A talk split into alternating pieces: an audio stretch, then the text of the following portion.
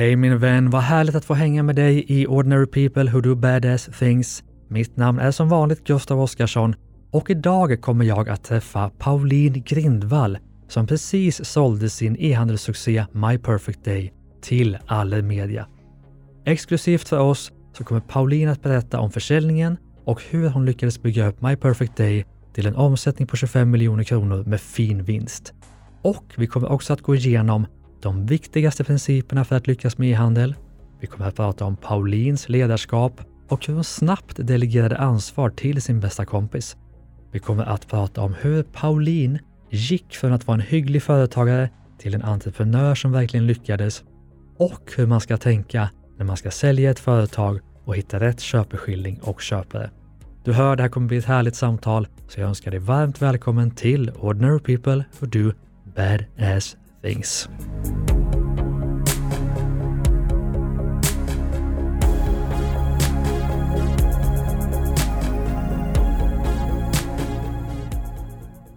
Hej och välkommen till Ordinary People Who Do Badass Things, Pauline Grindvall. Tack så mycket. Hur är läget med dig? Ja, men det är bra. Det Ja. är, solen skiner i Karlstad Ja, och eh, alltid. det har varit en effektiv dag på Ja, jobbet. så att vad jag härligt. nöjd. Ja. Jag undrade just innan om du har sjungit upp dig, men du var lite hes sa du? Du har inte Ja, corona eller lite. någonting sånt va? Nej, jag har nog inte det. Nej då, jag är frisk och fräsch men eh, jag har pratat väldigt mycket senaste dagarna Ja. ja. vad jag brukar så att jag är nog lite hes på grund av det kanske. Ja, men jag förstår det, för att vi känner ju varandra lite sedan gammalt. Nu var det länge Mm. sedan vi sågs, ska jag säga. Ja, verkligen. Verkligen. Vi, du har ju varit med på något event vi hade för länge sedan och jag har varit med i någon bok du har skrivit, vet jag. Ja, vi har setts i massa Mm. olika sammanhang, liksom. entreprenörssvängen. Men först måste jag ju börja med att säga grattis, för du har ju precis sålt, inte hela ditt bolag, men en del av ditt bolag till Allermedia, visst är det så? Det stämmer bra. Det är fantastiskt.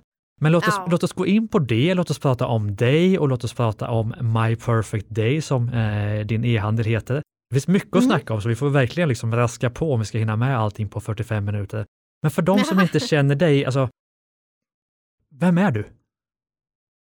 Eh, ja, men eh, jag heter Pauline Grindvall. Jag är snart 35 här om några dagar och bor i eh, Karlstad, Mm. Hammarö. Eh, driver sedan eh, åtta år tillbaka snart en e-handel som heter My Perfect Day som säljer kalas och bröllopsdekorationer kan man säga grovt förenklat. Vi är väl ganska mycket bredare än så nu, eh, men nischade inom det segmentet med eh, bröllop, kalas, fest, dop, baby showers, eh, lite så här lifestyle, sortiment med lek och barnrum och pyssel och bakning och sånt. Så att, ehm, eh, ja, den typen av produkter. Eh, Ja. Och jag har som sagt haft det sedan 2000, ja, årsskiftet 2013-2014. Just det. Bara en helt kanske ointressant fråga, men vilken produkt säljer bäst? Ja, men det är lite svårt att svara på faktiskt, för vi har ju som sagt ganska mycket olika ben att stå på. Så Mm. att, eh, Fast det borde inte vara så svårt, det borde ju finnas någon som säljer bäst. Ja, precis. Eh, det kan, ja, absolut. Vi, den produkten som vi säljer eh, mest av egentligen är bröllopsris. Eh. Det är så här, små sockerhjärtan som man kan slänga på brudparet när de kommit ut i kyrkan. Som är Ja. Så här, snällt mot naturen och snällt mot djur och sånt. Eh, så att, eh, normalt sett säljer den bäst, men eh, nu har det inte varit så mycket bröllop senaste året. Mm.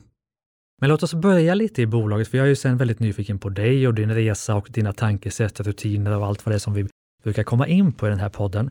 Men låt oss Mm. börja med, det var 2013-2014 någonstans sa du du startade My Perfect Day.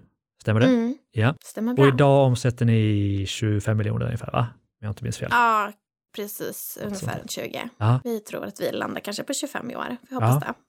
Men ja, det kanske kan vara en liten känslig fråga, men du gjorde ju en hel del inom entreprenörskapet innan du startade My Perfect Day. Och jag vet inte fan, hur ska jag ställa, du får ursäkta, hur ska jag ställa den här frågan? Jag undrar vad som hände från att du gick till en entreprenör som hoppade lite, uppfattade jag, mellan projekt och du skrev böcker och du gjorde allt möjligt spännande, kul såklart, Mm. till att bli en entreprenör som helt plötsligt byggde upp något som på riktigt blev stort och häftigt och coolt. Vad, hände, Mm. vad hände där? Ja, vad hände där? Nej, men jag tror att... Eh, nej, men jag konsult, den röda tråden har väl varit att jag alltid har skrivit mycket. Mm. Eh, journalistbakgrund och har eh, jobbat som copy och frilans och skrivit två böcker och eh, började väl någonstans i den vevan liksom på slutet att tröttna lite grann på att sälja timmar på det mm. viset. Mm. Eh, det kändes inte så skalbart och samtidigt så när jag skrev de här böckerna, jag har skrivit en bok som heter 101 unga entreprenörer där jag intervjuade då 101 unga entreprenörer om mm. deras eh, resor och ja, men blev väldigt inspirerad av det arbetet och alla de människorna jag pratade med och var också ganska sugen på e-handel. Eh, hade inte riktigt någon egentligen tanke på vad jag skulle sälja så att, eh, det låg väl och puttrade där någonstans i bakgrunden och sen så eh, i samband med att jag själv skulle gifta mig 2013 så mm. såg jag det här hålet på marknaden och tänkte att det här kan bli en kul grej att ha lite som en ja, bisyssla. är väl fel ord men mm. Eh, jag tänkte att jag drar igång det här lite parallellt med konsultuppdragen jag har. Mm. Eh, och sen så märkte jag ganska snabbt att ja, men jag har verkligen hittat ett hål på marknaden här. Mm. Eh, och sen har jag tyckt att det varit väldigt kul att ja, men, ägna mig 220 procent åt det och eh, bygga det här varumärket och det här bolaget. Så att, mm. eh, jag hittade hem kanske man kan säga. Då. Mm. Men jag menar ändå, du beskriver det som att okej, okay, jag fick en idé, du jobbar lite med det vid sidan om och sen så blev det något stort av det. Men det måste ju finnas, ha varit så många steg på vägen. Jag menar den första anställda, den första gången ni omsatte en miljon, den första gången du skulle välja e-handel. Om du får liksom ta mm. historien då från att du gjorde det här som ett, ett sidoprojekt till att ni omsätter 25 miljoner och du har sålt bolaget. Vilka har varit, om du får välja ut två, tre saker som har varit de helt avgörande framgångsnycklarna eller platåerna som ni har tagit er igenom? Ja, vad svårt. Det är ju så, precis som du säger, så många små och stora delar längs vägen. Men jag tror ju att eh, jag startade det här eh, hemma i sovrummet. Mm. Eh, en bokhylla, sen blev det ett rum, sen byggde vi ett litet gårdshus på tomten. Eh, och där någonstans hade jag någon slags naiv bild av att jag skulle vara kvar. Mm. Men eh, vi eh, växte ur det och eh, liksom, då skaffade jag en riktig lagerlokal då, man ska säga. Mm. Och anställde eh, min första eh, kollega i samma veva. Och det var ju såklart ett viktigt och avgörande steg. Då blev det helt plötsligt lite mer på riktigt. Mm. Ja, vad skulle man kunna säga? Ett avgörande steg också tror jag var när jag valde att eh, lägga ut sedan köpta köpta söket. Om man mm. säger så. Köpt, liksom, man har pusslat hållit på själv mycket med Instagram och sociala medier och Facebook och, mm. eh, och så. Men eh, när jag anlitade en byrå som eh, hjälpte mig med eh, ehm, ja, men köpt, köpt annonsering eh, mm. så, eh, så var det också liksom en, ett tydligt steg framåt. att jobba liksom mer strategiskt och målmedvetet och så. Mm. Vi har ju väldigt många som lyssnar på podden som, alla som lyssnar driver ju nästan företag, tänker jag, mm. eller det vet vi såklart, och många antingen driver eller är nyfikna på e-handel. Finns det några principer just i e-handeln kring logistik och distribution och marknadsföring och sådär som du känner att det här har vi gjort rätt. Här kan jag dela med mig liksom av, av smarta tips. Ja, men jag tror nog att vi har försökt utgå ifrån uh, vad vi säljer uh, och målgruppen för det. Vad är viktigt? För oss är det kanske snabba leveranser som är i fokus för att uh, man köper grejer till ett specifikt tillfälle. Har man ett kalas på lördag så duger det inte att få grejerna på måndagen för då är de helt värdelösa. Mm. Um, vi har försökt också ha liksom, inspiration väldigt mycket i fokus snarare än produktpris. Jag tror att det är extra viktigt för oss att en vit ballong ter sig väldigt olika om den är mm. frilagd eh, eller om den är i en väldigt så här, inspirerande, härlig miljö. Så att jag tror att en stor del av vårt uppdrag är att inspirera kunderna och ja, ge dem någonting lite extra. Just det, en vit ballong gör ju sig inte så bra på vit bakgrund, nej, precis. Precis. Har du en poäng. Men du, för att gå in lite på 90 gritty då, vilken e-handelslösning har ni i botten på butiken? Eh, nu har vi Vikingruppen Eh, tidigare när jag startade så hade vi Textalk, hette de då. Jag tror inte att mm. de finns kvar, som har bytt namn. Men eh, Vikinggruppen har vi haft mm. sedan tre eller fyra år tillbaka tror jag det är nu. Och Just det. Eh, supernöjda med dem. Vi växte ur den andra lösningen och mm. känner att nu har vi lite, eh, fortfarande lite att växa i. Förstår. Vilka betallösningar använder ni? Eh, Klarna och eh, Payson. Men jag skulle säga att Klarna är det som vi eh, som används till 99 procent av kunderna. Supernöjd kund där. Ja, vad kul, vad kul. Och vilka har ni, hur har ni valt eh, distribution? är också en fråga vi ofta får. Liksom, många är Eh, nyfikna. ja, precis. Nej, men vi har på Snord. ehm, Och det är egentligen för att jag tycker att de har överlägset bäst distributionsnät. Mm. Eh, de har de bästa utlämningsställena som är mest, liksom, mest tillgängliga, mest generösa öppettider och så. Eh, sen tycker jag att det är lite synd att vi i dagsläget kanske inte erbjuder fler, men det är väl i pipen så att säga. Mm. Eh, att kunna ha fler eh, leveransalternativ och Mm. någon boxlösning och, eh, och så. Det Mm. är ju en, eh, eh, en bransch som bubblar av eh, nya idéer Verkligen. och innovation och så nu. Ja. Ja, men tack för att du ville svara, för det är många som efter avsnitten som handlar just om e-handel på något sätt som frågar, ja men du skulle frågat om det här och det här och det här, så att de här tre frågorna måste jag alltid ställa, så vi får dem ur världen. Men för er som lyssnar, gå in på My Perfect- Perfect Day och spana in. Det är en väldigt härlig, det är mycket goda färger, liksom det är snyggt. Det är väldigt inspirerande att, att surfa omkring. Men det jag funderar på också innan vi lämnar just e-handel är ju, eh, som jag är nyfiken på, är ju om kunderna kommer tillbaka ofta eller om det är mer en, en engångsköpsbutik.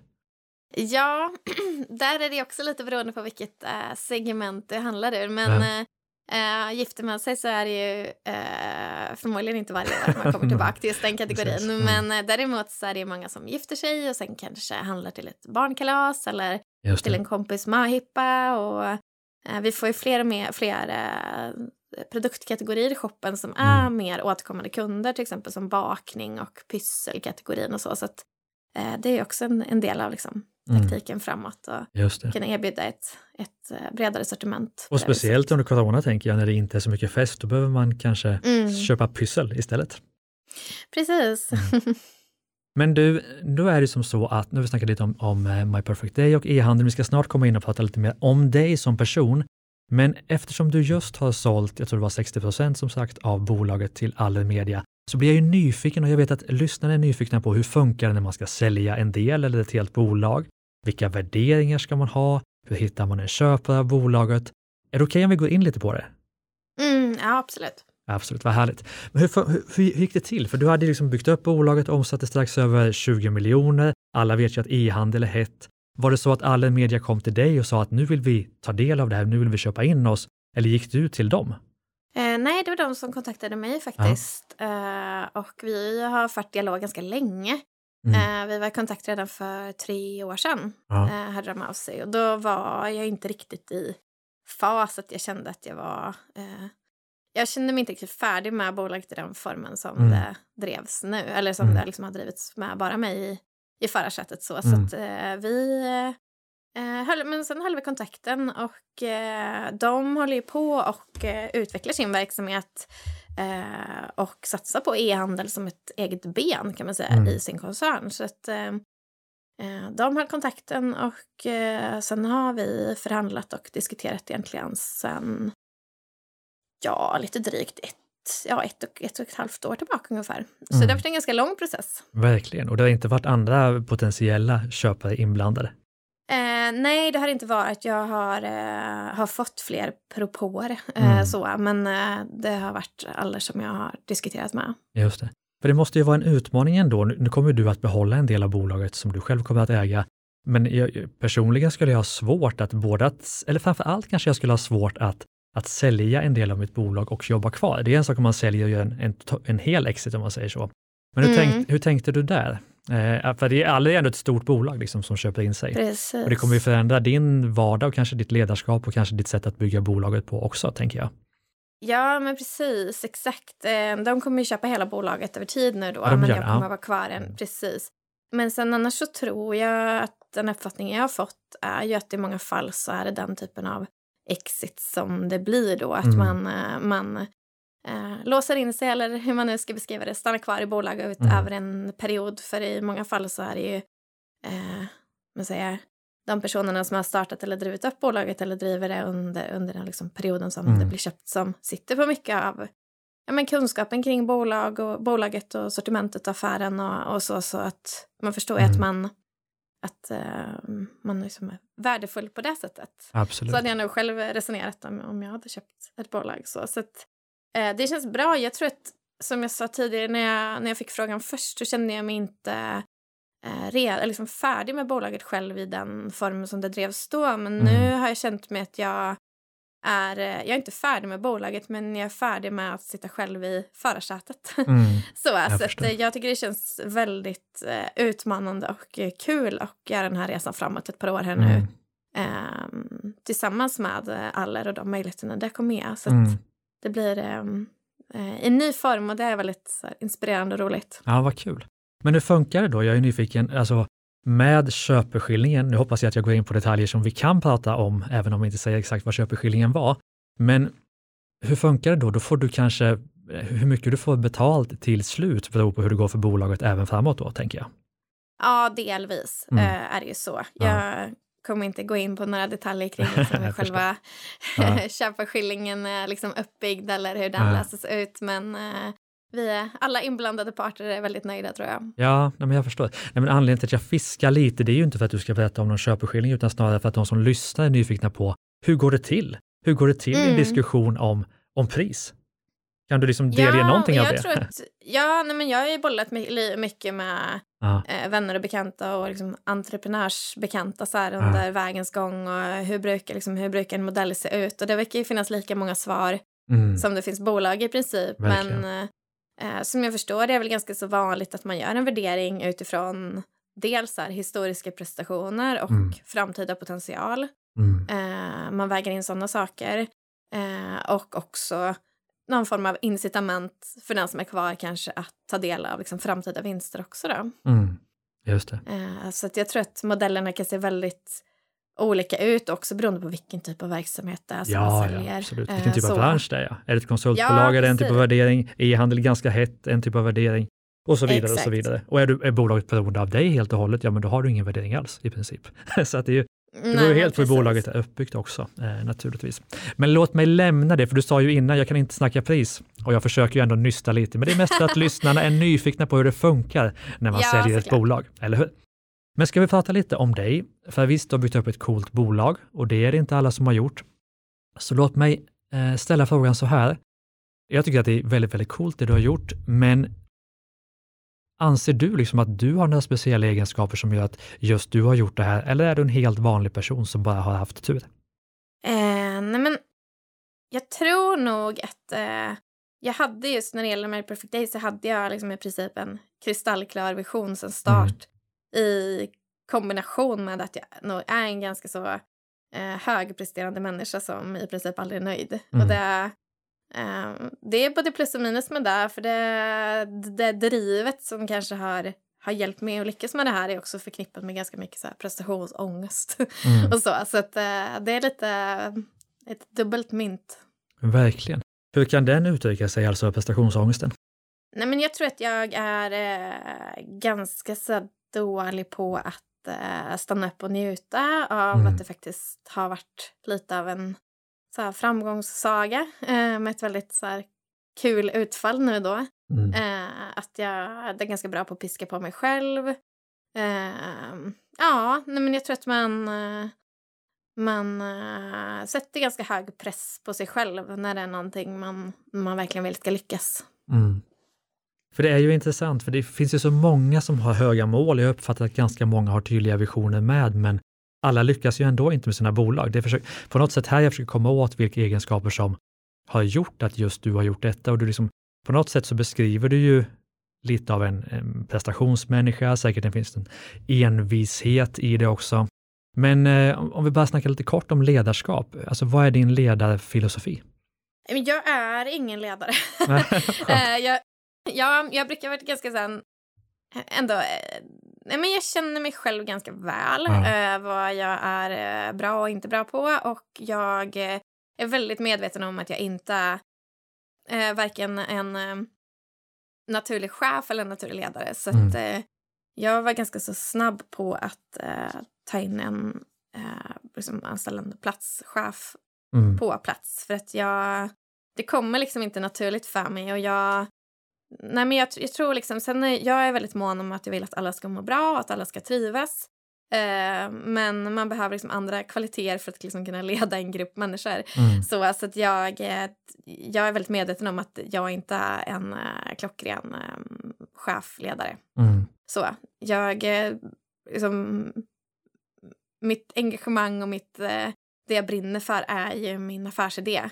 Förstår. Eh, så att jag vill nog kanske tyvärr vara lite för mycket kompis för att vara liksom en riktigt bra Just det. chef eller ledare tror jag. Men låt oss stanna där, för jag upplever ju, inklusive jag själv, att, att många är den typen av entreprenör. Man vill bygga, man vill bygga saker, men du vill inte leda det operativa i vardagen.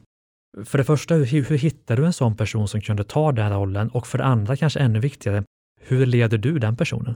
Mm. Eh, Jag eh, har... Eh, den första personen som jag anställde i bolaget var min bästa kompis. Mm. Eh, och där brukar jag vara så här, oj, hur går det? Och hur, eh, hur liksom, inte det, finns det inte risk i det?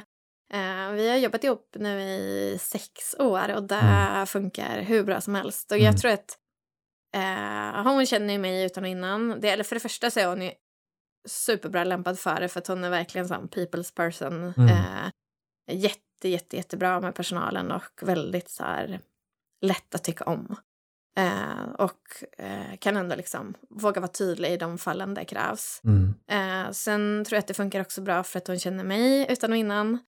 Eh, och att vi är så pass nära vänner så att det uppstår egentligen aldrig några eh, problem i kommunikationen för vi känner varandra så pass väl. Mm. Eh, jag tror det hade varit värre om man hade varit lite mer ja, bekanta eller annat än liksom så riktigt nära vänner. Eh, så det har blivit en väldigt bra kombination. Mm. Men leder du henne på något sätt? Eh, jag skulle säga att vi snarare stöttar varandra. Mm. Ehm, så, det är klart att jag är ju såklart ytterst ansvarig. Ehm, och, eh, och så, och det, ehm, det är klart att jag liksom kan komma med synpunkter eller feedback på saker och ting ibland, men Mm. jag känner mig väldigt trygg i att hon eh, fattar beslut som eh, jag känner mig trygg med också. Mm. Spännande. Är hon delägare också? Nej, det är hon Nej. inte. Men du, om vi säger då, om, vi, om jag gör påståendet att du är framgångsrik i företagandet, skulle du säga att du är lika framgångsrik i resten av livet också? Ehm, ja, vilken svår fråga. Ehm, För många säger ju att man kör på med företaget och så hinner man inte med allt det andra. Det är därför jag ställer Nej, frågan. precis. Nej, men har man inte alltid då lite dåligt samvete att man, man jobbar mycket och då, då känner man lite dåligt samvete för att man inte kanske är en tillräckligt eh, närvarande vän eller partner eller mamma eller så. Mm. Så att, ehm, ja, men jag ska nog säga att jag, att jag liksom, eh, jag trivs med livet just Mm. nu. Eh, och jag tycker att jag hinner med eh, lite av varje eh, vid sidan av liksom, jobb och så också. Så att, Mm. ehm, det, det, ska det får jag nog kanske säga att jag är då. Ja, vad skönt. Det är fantastiskt. Men låt Ja. mig då, något som jag är väldigt nyfiken på, det är ju om du har några sådana här rutiner eller vanor som, som har hjälpt dig att både skapa det liv du vill ha och det företag du vill ha. Jag pratar ju nästan med alla gäster om det här och det kan landa i allt från ja, kallbad till att man går ut och går varje dag till att man äter en viss typ av frukost eller vad det nu kan vara som hjälper en Mm. att, att prestera på en hög nivå. Har du några sådana rutiner som hjälper dig? Eh, nej, jag skulle nog inte säga rutiner eller vanor, men jag tror nog att jag har en ehm, eh, inställning till jobb. Alltså att jobben, jobbet inte är en plats utan någonting som jag gör. Mm. På något sätt så, så här, jag, jag jobbar hela tiden men jag är också ledig hela tiden. Mm. Eh, jag tillåter mig att tänka jobb och ha liksom ett eh, jobbflow i hjärnan även när jag är ledig. Och jag tror att det har väl varit också kanske bidragit till att jag hela tiden har liksom pushat framåt, bolaget framåt. Mm. Eh, så. Sen om det är en van eller rutin, det tror jag inte, men jag försöker hinna med. Jag försöker träna, försöker eh, se till att eh, umgås med vänner som ger energi när det är mycket jobb också. Även fast Mm. det är svårt att liksom släppa datorn i sådana perioder så eh, vet man att det gynnar en på sikt. Har blivit bättre på att gå och lägga mig ganska tidigt när det är Mm. mycket på jobbet för att jag vet att det också är bättre. Mm. Man blir väl lite så klokare på den fronten när man blir lite äldre kanske. Mm. För om, man jämför, om du jämför dig själv liksom med människor i allmänhet, kan du se saker som, som du gör som de flesta andra inte gör? Kan du se skillnad på dig själv och, och dina beteenden jämfört med, ska man säga, alla andra? Nej, jag ser mig nog inte som att jag är så speciell på det sättet. Eller att jag Mm. gör såna här speciella saker. Och, ehm, jag tror liksom inte att jag skulle göra ett bättre jobb om jag om liksom ser folk som är så här, går upp klockan fyra, duschar kallt, gör yoga, dricker svart mm. kaffe och liksom tränar innan klockan är sex. Mm. Det, det, känns nästan så påhittat från folk. Jag, liksom så här, jag, vet, ja. jag vet inte, det känns som att de har läst i någon bok. Typ. Ja. Men eh, jag, eh, jag vet, jag tror man måste hitta något som funkar för en själv. Mm. Jag tror att jag kan vara Nej, men jag tror att vissa dagar kanske jag kan känna så att jag inte får någonting gjort överhuvudtaget och mm. att så här, vad håller jag på med? Men eh, ja, man vet ju ungefär hur, under vilka förutsättningar man jobbar bra och man presterar bra och jag tror att jag kan vara eh, otroligt strukturerad och väldigt effektiv. Mm. Eh, och är väldigt bra på att liksom, jobba efter liksom, kötta av listor med ja. saker som ska göras. Ja. Eh, och ha väldigt högt tempo i det. Men där finns det något som är värt att diskutera. Du säger så här, kötta av listor. Så din egentliga strategi är att du skriver en lista och så köttar du. Eller liksom, det är principen. ja, men jag kan nog, ja, ja, ja, så kan det nog ofta vara tror jag. Att jag mm. um, vet egentligen så här, behöver liksom samla ihop allt jag ska göra bland alla tusentals grejer, prioritera mm. snabbt och sen så bara beta av. Mm. Um, för när jag lyssnar på dig, så det jag hör är följande, du får se om det är rätt eller fel. Du är en person som gjorde massa olika saker, du höll på med skrivande och sådär. Du hade inte helt någon klar vision för vart du skulle med, med ditt företagande. Sen kom du på en vision, eh, My Perfect Day, och sen har du liksom bara steg för steg med stor envishet och stor vilja tagit dig dit du vill. Liksom, det, det, är inte så mycket knep och knåp på vägen, utan det är en tydlig vision och hårt jobb som jag uppfattar som de viktigaste ingredienserna. Stämmer det? Har jag läst det rätt då? Ja, Ja, men det tror jag. Jag eh, har nog haft en väldigt så här, tydlig vision om vad jag vill mm. eh, med det här. Som sagt, mm. och att jag eh, har jobbat mig emot det. Mm. Ehm, det finns inte så mycket genvägar egentligen. Ehm, försökt vara mån om att liksom hålla ihop konceptet och... Mm. Ehm, ja, nej, det har nog en poäng i det. För fördelarna med en tydlig vision, och det är ett budskap vi kan skicka med till, till lyssnarna, är ju att har man en väldigt, väldigt tydlig vision, att hit är vi på väg, hit ska vi, då vet man ju i princip vad man ska och borde göra varje dag. Har man inte det, då springer man ju på en massa andra puckar hela tiden. Så att utan en tydlig vision så, det kan ju gå och det kan bli bra ändå, men det kommer ju ta längre tid för du kommer springa på vad som helst egentligen. Ja, men precis. Och jag, jag tror att eh, den visionen. Jag vet att när eh, jag satt och skrev text till den första versionen av webbshoppen då 2013 mm. så skrev jag att visionen var att vi ska bli störst i Norden inom vår nisch. Mm. Eh, och jag tycker att vi är på ganska god väg nu eh, ja. i och med det här uppköpet. Då. Och jag tror att det finns jag menar, en kraft i att ha en sån vision med sig och jag tror att man fattar beslut utifrån det både medvetet och omedvetet mm. um, faktiskt. Absolut. Eh, kan du uppfatta finns, att... Äh, fortsätt, fortsätt. Ja, nej men uh. eh, jag tror att eh, eh, även fast man känner liksom, ja men när jag startade det här med sovrummet och, och skrev upp att vi ska bli störst i Norden så kändes det nästan lite så töntigt. Mm. Eh, men någonstans har jag haft det med mig mm. hela tiden mm. och känt att så här, ja men det här är fullt görbart. Mm. Jag måste bara så här Ja, men det, det ska vara rätt som det här uppköpet nu av alla. Det skulle vara vid rätt tidpunkt och det känns som att det är rätt tidpunkt nu mm. eh, för det. Så att, eh, det känns eh, som att jag, jag, ska inte underskatta den visionen jag satte upp då för åtta Nej, år sedan. Precis. Under de här sju, åtta åren som har gått och sedan du startade, uppfattar du att du har förändrats som person sedan dess? Ja, bra fråga. Jag Tack. tror att man såklart... Nej, men jag tror att man såklart... Eh, jag tror att jag har varit väldigt likadan under hela mitt liv. Bortsett mm. från att man kanske såklart ändras med eh, um, ålder och erfarenhet. så. Mm. Uh, jag tror att jag alltid kanske haft någon slags inre drivkraft som pushar mig mot någon så prestationsmässig gräns hela tiden. Mm. Eh, som jag var inne på. Eh, jag har väldigt svårt att vara nöjd, har alltid lite för höga ambitioner tror jag. Mm. Vill väldigt mycket hela tiden, mycket idéer, väldigt lite tålamod. Ja. Eh, men har det varit jobbigt mycket... som, som yngre att, att liksom ha en hög ambitionsnivå? Har det varit jobbigt för dig i perioder? Nej, jag har faktiskt aldrig upp upplevt det som att det har varit jobbigt utan mm. jag har nog bara sett det som uh, en fördel. Mm.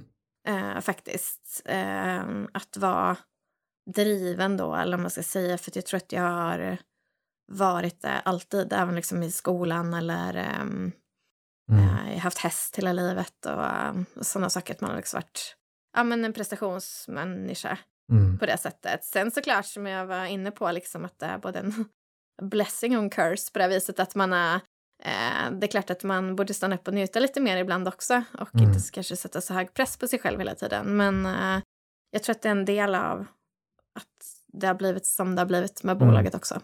Men kommer du då nu när du har sålt, nu kommer du jobba kvar ett tag, det förstår jag också, men kommer du sen och nu, även nu, kunna liksom sätta dig ner och känna att okej, okay, nu är jag nöjd, nu är jag glad? Eller är det liksom nästa steg, nästa steg, nytt bolag kanske efter det? Ja, det är det. Jag tycker det är väldigt, ska bli väldigt intressant att se. Mm. uh, faktiskt. För att uh, jag, jag, vet faktiskt inte. Jag tror ju någonstans att... Uh, nej men, ja... Oj, vad skönt det kanske hade varit när man har kört på några år nu och har liksom gjort sin exit att ta ett, ett lugnt år. Men mm. jag vet faktiskt inte om man kommer klara av det. Tanken på det är väldigt härlig, men jag tror att man liksom kommer bubbla igång lite, kanske någon ny idé eller någonting man vill göra eller, eh, eller så. Ja, men alltså på de här åtta åren, ja, på de här åtta åren du har haft My Perfect Day, det måste ju ha bubblat upp. Nu har ju du haft en tydlig vision och gått mot den, men det måste ju ha bubblat upp hundratals idéer på vägen, tänker jag. Vi gör så här, du får, ja. du får 10 mm. miljoner av mig nu. Vi startar ett nytt bolag. Vad hade du gjort? Vad är, vad är den hetaste idén förutom My Perfect Day som har bubblat i dig? Uh, ja, oh. Uh, oj, vilken uh, fråga. um, 10 miljoner. Nej, men jag tror så här.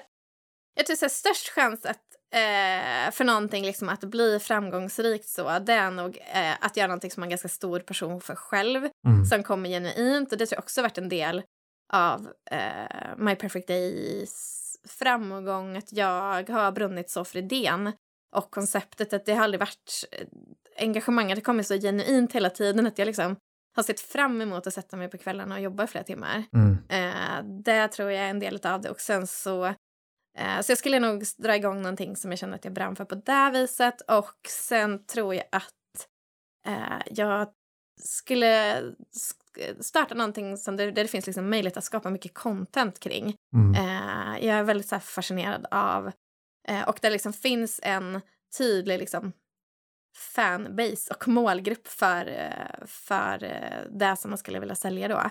Mm. Eh, jag är som sagt väldigt fascinerad av varumärken som jobbar, ja, men jobbar fram sin idé och sin vision på det sättet att de bygger någonting mer än bara så produktpris eller någon härlig fräsch bild på någonting. Mm. man är ganska söndermatad med det. Så mm. jag tycker om när det finns ja, men där man ser att det finns en tydlig tanke, att det går att skapa som sagt mycket content eh, kring produkten eller eh, genren eller vad det nu kan vara. Mm. Um, Hur har ni gjort det på My Perfect Day för att bygga liksom en, en fanbase? Hur har ni gjort det? Vi har en tydlig målgrupp och det tror mm. jag är eh, nummer ett. Eh, sen behöver det inte vara att målgruppen är så här, kvinnor, punkt, eller mm. de som är upp till 25, utan snarare så här att man eh, har en målgrupp på andra värden som kanske är mer så här livsstil, intressen eh, och så, inte lika knutet kanske till ålder, även om de flesta av våra kunder är kvinnor 25 till 45 till exempel. Mm. Eh, men eh, vi försöker eh, jobba supermycket med eh, ja, men att spela liksom på känslor och inspiration. Uh. att man känner att man liksom... Vi har ju väldigt också mycket produkter så här som man i princip inte visste fanns eller vad man ska göra med. Mm. Eh, så där vill vi någonstans vara lite hjälpande hand i så här kan man göra, tänk så här, det är så här lätt att göra det här och det här mm. för att det ska bli lite extra kul eller extra festligt. Mm, men content, som du är inne på, helt enkelt. Mm, precis. Inspirationscontent. Mm. Men du, eh, vi har väl inte så jättemånga minuter kvar på intervjun, men jag har några saker till som jag vill gå in på. Och en sak jag funderade på, för det, du nämnde det själv innan, du har skrivit två böcker, bland annat en som jag är med i, vilket är kul. Eh, mm. där du intervjuade, var det 101 kanske, unga mm. företagare? Mm.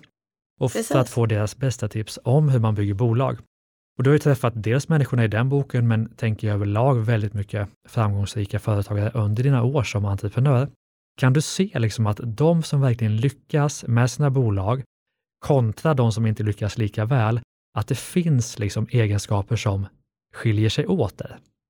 Ja, men jag, jag tycker att jag upplever att det finns ett väldigt så här, tydligt och eh, så här, kanaliserat fokus och målmedvetenhet. Mm. Eh, och sen framför allt så tycker jag själv, och det kan jag, kan jag själv känna ibland hos mig själv sådär när man fastnar att, eh, att liksom inte att inte tänka för mycket utan faktiskt bara göra. Mm. Eh, och det, det tycker jag också sen när man träffar eh, entreprenörer eller jag har gjort intervjuer då med de som är liksom extremt framgångsrika. Att man inte komplicerar saker för mycket och eh, ja men lite som vi pratade om i början det här många som frågar om e-handel och får ju väldigt mycket frågor om e-handel och vad Mm. man använder för fraktlösning och betallösning. Att, jag tänker så här, det har väl aldrig varit lättare att så här, dra en snabb googling, testa någonting, komma igång, prova. Eh, man kan byta, testa igen. Eh, så att man inte så här, komplicerar saker för mycket utan eh, så här, börjar någonstans där man står och bara gör saker Mm. eh, utifrån liksom, den idén eller tanken man har. Och det, det tycker jag är sånt som jag märker på människor som jag själv blir inspirerad av då. Att man liksom, man gör Mm. på något sätt. Eh, Mm. Pratar inte så mycket utan eh, kör igång, testar. Mm. Absolut. Och när man får det att funka så hittar man människor som kompletterar dig för att liksom hitta egenskaper som du själv inte har. Till exempel i ditt fall då någon som kan leda det operativa teamet, tänker jag. Mm, jo men precis och ett så här, man, man testar saker eller gör saker, det kanske inte alls funkar, nej men det här blir inte så bra, jag testar någonting annat. Mm. Eh, börja i liten skala. Eh, det på något vis så som man märker om det är något som flyger eller inte kan tänka mig utan att man Mm. behöver investera för mycket. Varken tid eller pengar. Mm. Tyvärr så har vi inte hittat så mycket vardagsrutiner. Jag gillar ju sånt annars.